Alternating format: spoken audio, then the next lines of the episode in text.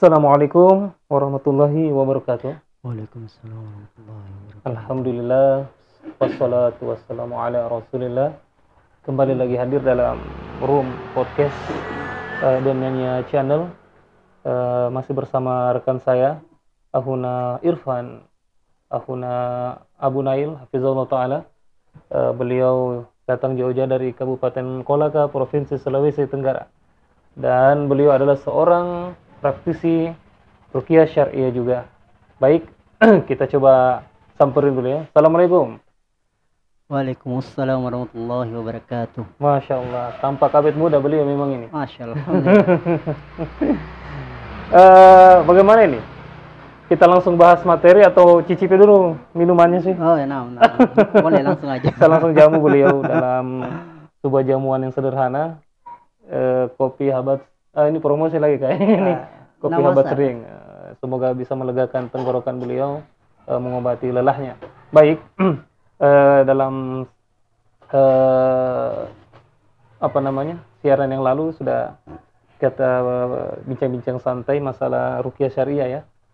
Kali ini mungkin eh, saya ingin bertanya sama beliau tema apa yang kira-kira menarik untuk kita angkat mengenai rukiah syariah ini.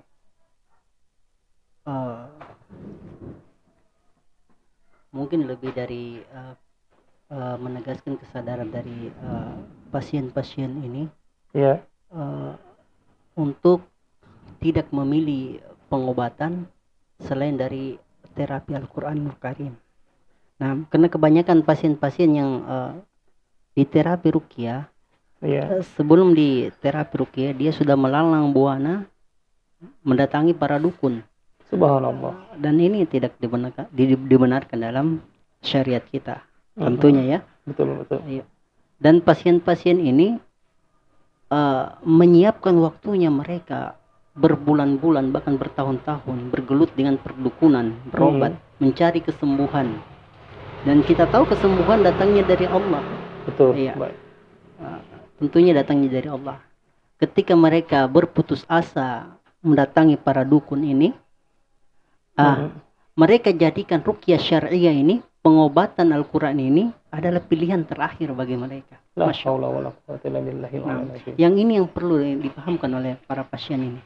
Ah, tentunya tidak terlepas mereka awam tentang masalah ini. Ada juga sebagian mereka yang paham dengan hal-hal semacam ini, Hmm. tapi mereka bermasa bodoh karena mungkin kurangnya ilmu ya kurangnya Iya. ilmu kurangnya pemahaman hidayah ada di tangan Allah Azza wa Jalla. nah Betul. Sudah seperti itu kebanyakan masyarakat kita adalah karena kekurangannya pengetahuan tentang agama.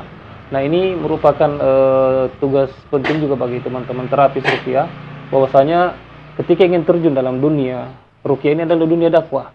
Eh, minimal mereka juga teman-teman terapis rukiah itu harus membekali dirinya dengan ilmu agama ya yang syar'i guna untuk memberikan dakwah penting untuk tauhid ya pentingnya dakwah tauhid kepada masyarakat karena memang saking banyaknya yang masih minim tentang ilmu seperti itu ya Nah, jadi seorang terapi juga harus membekali dirinya dengan ilmu agama syar'i ya. Harus itu perkara yang penting. Hmm. perkara yang penting. Memahamkan eh, kaum muslimin tentang bahaya mendatangi dukun. Betul. Iya.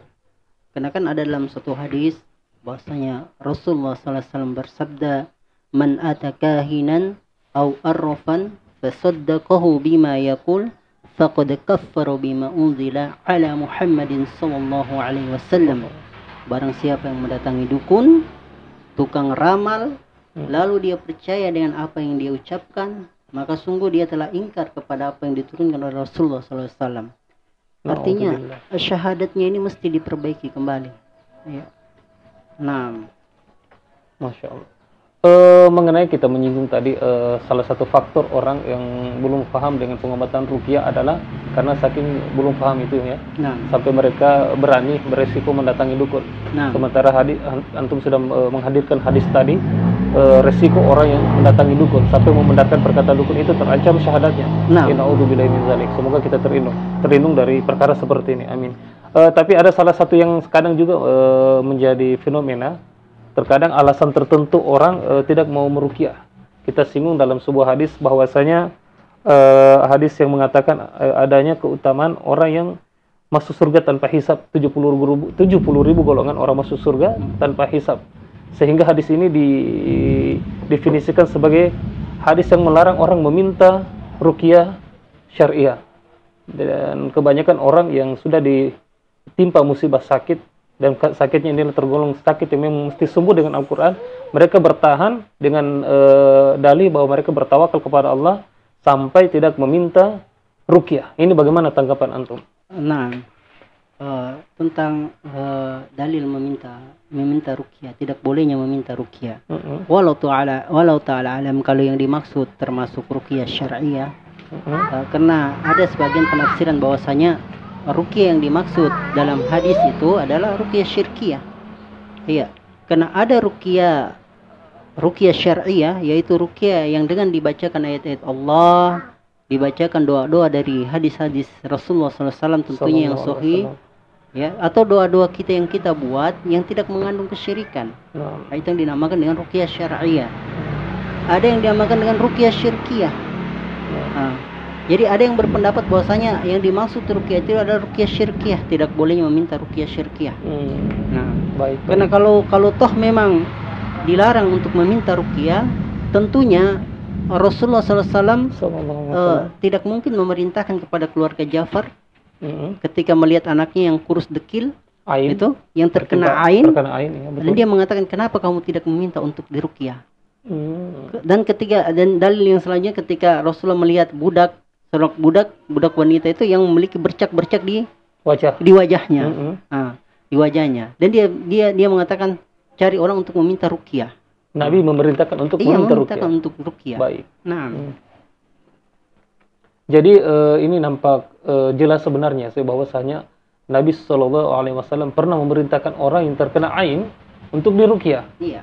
Uh, ya jadi ini uh, mungkin menjadi apa namanya hujah bagi orang yang ingin meminta rukyah bahwasanya tidak mengapa. Tidak ya. mengapa meminta rukyah. Dan ini kayaknya sepertinya nampak seperti pendapat yang pernah dikemukakan oleh ustaz kita, Ustaz Firanda Adirja, Hafizullah Ta'ala yang mengutip perkataan Syekh bin Bas bahwasanya Syekh bin Bas mengatakan e, tidak mengapanya orang meminta rukyah selama dia sudah memiliki e, tauhid yang baik. Nah. E, ilmu ilmu tentang tauhidnya sudah mantap. Ketika dia memiliki penyakit yang memang semata-mata bisa sembuh dengan Al-Qur'an, maka ketika dia meminta rukyah kemudian dirukyah, maka perkataan bin Bas orang ini tidak mengeluarkan dari hadis 70 ribu orang golongan 70 ribu golongan orang yang masuk surga tanpa hisap dia tidak uh, tidak masih memiliki peluang itu tidak keluar dari kesempatan itu. Nampaknya memang uh, ada yang perlu kita penjabaran lagi ya sih tentang hmm. hadis itu. Iya.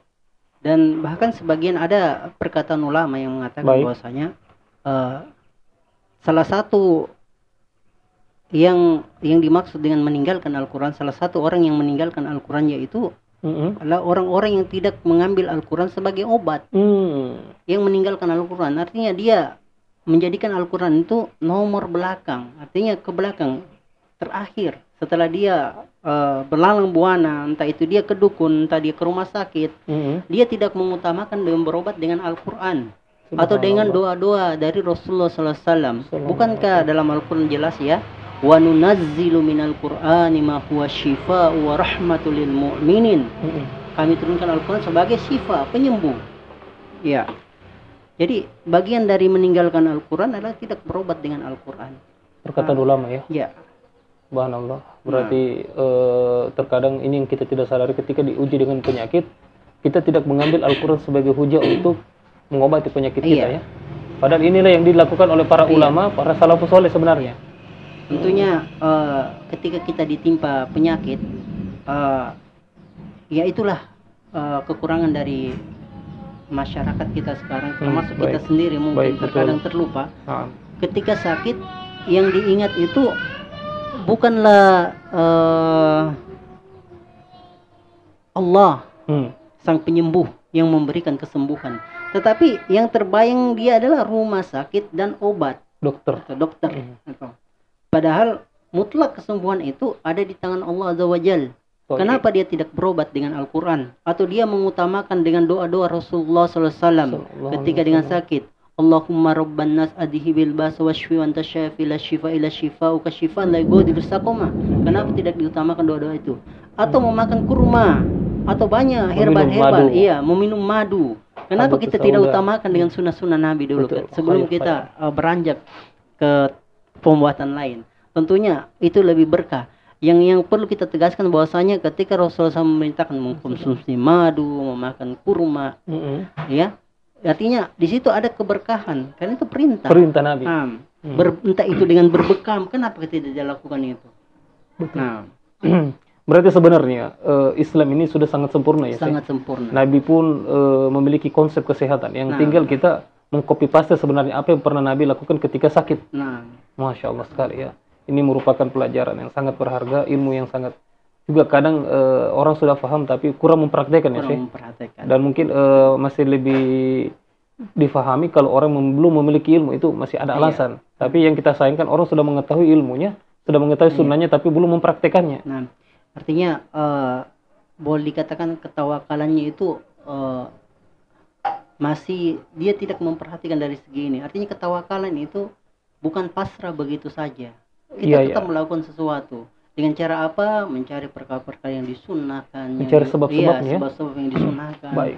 Kita utamakan dulu dari segi eh, pengobatan secara syar'i. Entah itu kita pengobatan yang cara rukyah syariah atau dengan mengkonsumsi herbal.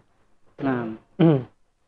Eh, nampaknya eh, tugas seorang praktisi rukyah itu sangat berat di lapangan ya. nah, nah. Memberikan pemahaman baik kepada orang Iya. yang belum paham, terlebih lagi orang yang sudah paham sunnah tapi belum mempraktekannya. Ini memang sangat perlu jeli dalam menyampaikan ya, dalam menyampaikan. Jadi memang eh, rukyah ini eh, sebuah medan dakwah yang sangat eh, banyak sebab-sebab kebaikan sebenarnya untuk kita sadari bisa menjadi eh, apa namanya hujah bagi kita ketika kita suatu saat ditanyakan eh, ilmu yang sedang kita pelajari selama ini baik kita belajar di kajian-kajian tentang tauhid namun ketika ditimpa musibah ternyata masih belum bisa mempraktekkan tauhid tersebut. Nah, ya sangat iya sangat ironis sekali. Semoga mm, mungkin ada yang untuk sampaikan iya. Kalau yang mau disampaikan mungkin saya rasa cukup saja tentang tentang itu. Jadi eh, titik utama yang perlu kita camkan dalam diri kita ketika kita sakit Mm-mm. yang terbayang dalam diri kita adalah Allah Azza wa Jal. kesembuhan kesembuhan itu ada di tangan Allah. Maka setelah kita tahu bahwa kesembuhan itu ada di tangan Allah maka kita cari sebab-sebab yang mendatangkan kesembuhan itu. Kita utamakan sebab-sebab dari wahyu. Entah itu dari pengobatan Al-Quran entah itu dari sunnah-sunnah Rasulullah SAW ya nah Masya Allah, komplit sekali. Jadi ternyata bukan semata-mata rukyah sebenarnya sih. ya. iya Masih banyak juga eh, alternatif lain untuk Iya. eh, mengamalkan pengobatan Nabi ini ya. iya dan itu eh, punya korelasi Syekh Punya hubungan ya? punya hubungan Eh, sama- Mungkin sama bayangannya lain. seperti apa ini sih? Iya, artinya antara saya beri contoh antara Hmm. bekam, bekam dan rukyah. Iya. Artinya ada yang dibekam sambil dirukyah. Hmm. Nah. Hmm. Artinya dikombinasikan antara bekam dan rukyah. Iya. Memang ternyata ini artinya ini bukan dalil, bukan Hmm. dalil, tetapi ini penemuan para praktisi-praktisi Tajribah, ya? Iya, yang bergelut di dunia rukyah bahwasanya titik-titik bekam itu Mm-mm. kebanyakan titik-titik yang didiami dengan Syaitan. syaitan. Ya, Hmm. syaitan kan tinggal di aliran darah. Aliran darah. Jelas dalilnya itu ya. Iya, jelas Hmm. dalilnya. Hmm. Inna syaitani Mm-mm. yajri min bini Adam majarad dam. Bahwa syaitan itu berlari-lari dalam dalam tubuh manusia itu melalui aliran darah. Aliran darah. Iya. Betul sekali. Hadis ini Jadi sangat masuk. sangat dikombinasikan dengan ruqyah syariah sambil dibekam. Memang ada ada memang eh, apa satu kasus yang memang dia harus ditangani bekam dan sambil diruqyah. Herbal ruqyah. Herbal Nah. rukyah. Hmm. Masya Allah. Dan hijama itu tadi. Iya, nah. Bekam ini. Dan ini yang eh, mungkin belum banyak orang praktekkan. Iya. Di satu sisi mereka hanya mengandalkan rukyah, ternyata di sisi lain juga perlu ditunjang ya Ah, iya, dengan perlu ditunjang dengan herbal. Herbal. Iya. Hmm. Artinya begini, ketika setan masuk dalam jasanya jasadnya kita, baik tentunya dia akan merusak jaringan-jaringan tubuh. organ. Iya. Betul sekali. Dia akan merusak sel-sel dan de- sel-sel itu akan pulih kembali tidak cukup dengan dirukyah. Hmm. Untuk asupan energi, asupan gizi dari luar, yaitu herbal. Maksud entah dia habatus sauda, kita tahu habatus sauda bagaimana Baik. manfaatnya. Baik. Dari segi kesehatan madu, kurma bagaimana Hmm. kesehatannya. Nah, Masya Allah. masya Allah. Nampaknya, Nampaknya eh, sudah sudah waktu az- waktu sholat asar ya masuk. Eh, semoga eh, bisa memberikan hasanah tambahan ilmu kepada teman-teman semua tentang rupiah syariah. Insya Allah kita lanjut di sesi atau di waktu yang lain bersama narasumber yang sama ataupun narasumber yang berbeda mungkin ya. Nanti kita akan eh, lebih selektif lagi mencari materi apa yang bisa kita angkat di podcast ini. Jangan lupa di like ya so- eh, podcast kami ini. Podcast dibantu share, podcast dengannya channel. Insya Allah eh, bukan hanya sebatas rukiah saja kami angkat, seluruh materi-materi tentang Islam akan kita ulas di sini menghadirkan beberapa asatis ustaz-ustaz yang kompeten di bidangnya insyaallah taala Eh, semoga kehadiran saudara saya Abu Nail sebenarnya biasa dipanggil Ahuna Irfan beliau ini karena sudah memiliki anak kita beri kunyah Abu Nail hafizallah taala Allah berikan berkah di usianya Amin. harta keluarganya Amin ya Amin ya rabbal alamin. Semoga safarnya ini dari Kolaka. eh, sebenarnya insya Allah saya mau ambil wasilah kepada beliau. Doanya orang safar insya Allah ya. Masya Apalagi ini eh, perlu kami sampaikan salah satu doa yang mustajab itulah doanya orang safar. Kemudian di hari Jumat ini pun ada waktu yaitu waktu di ujung penghujung Jumat waktu mustajab. Jangan lupa tinggal jangan tinggalkan itu waktu mustajab di penghujung hari Jumat waktu asar untuk kita eh, apa namanya meminta kepada Allah mengaturkan doa-doa kita mengetuk pintu langit. Semoga doa-doa kita terkabul oleh Allah Azza wa Jalla. Baik kita cukupkan karena azan ya. Subhanaka Allahumma wa bihamdika asyhadu an la ilaha illa anta wastaghfiruka wa atubu ilaik. Assalamualaikum warahmatullahi wabarakatuh. Jazakallahu khairan. Warahmatullahi wabarakatuh.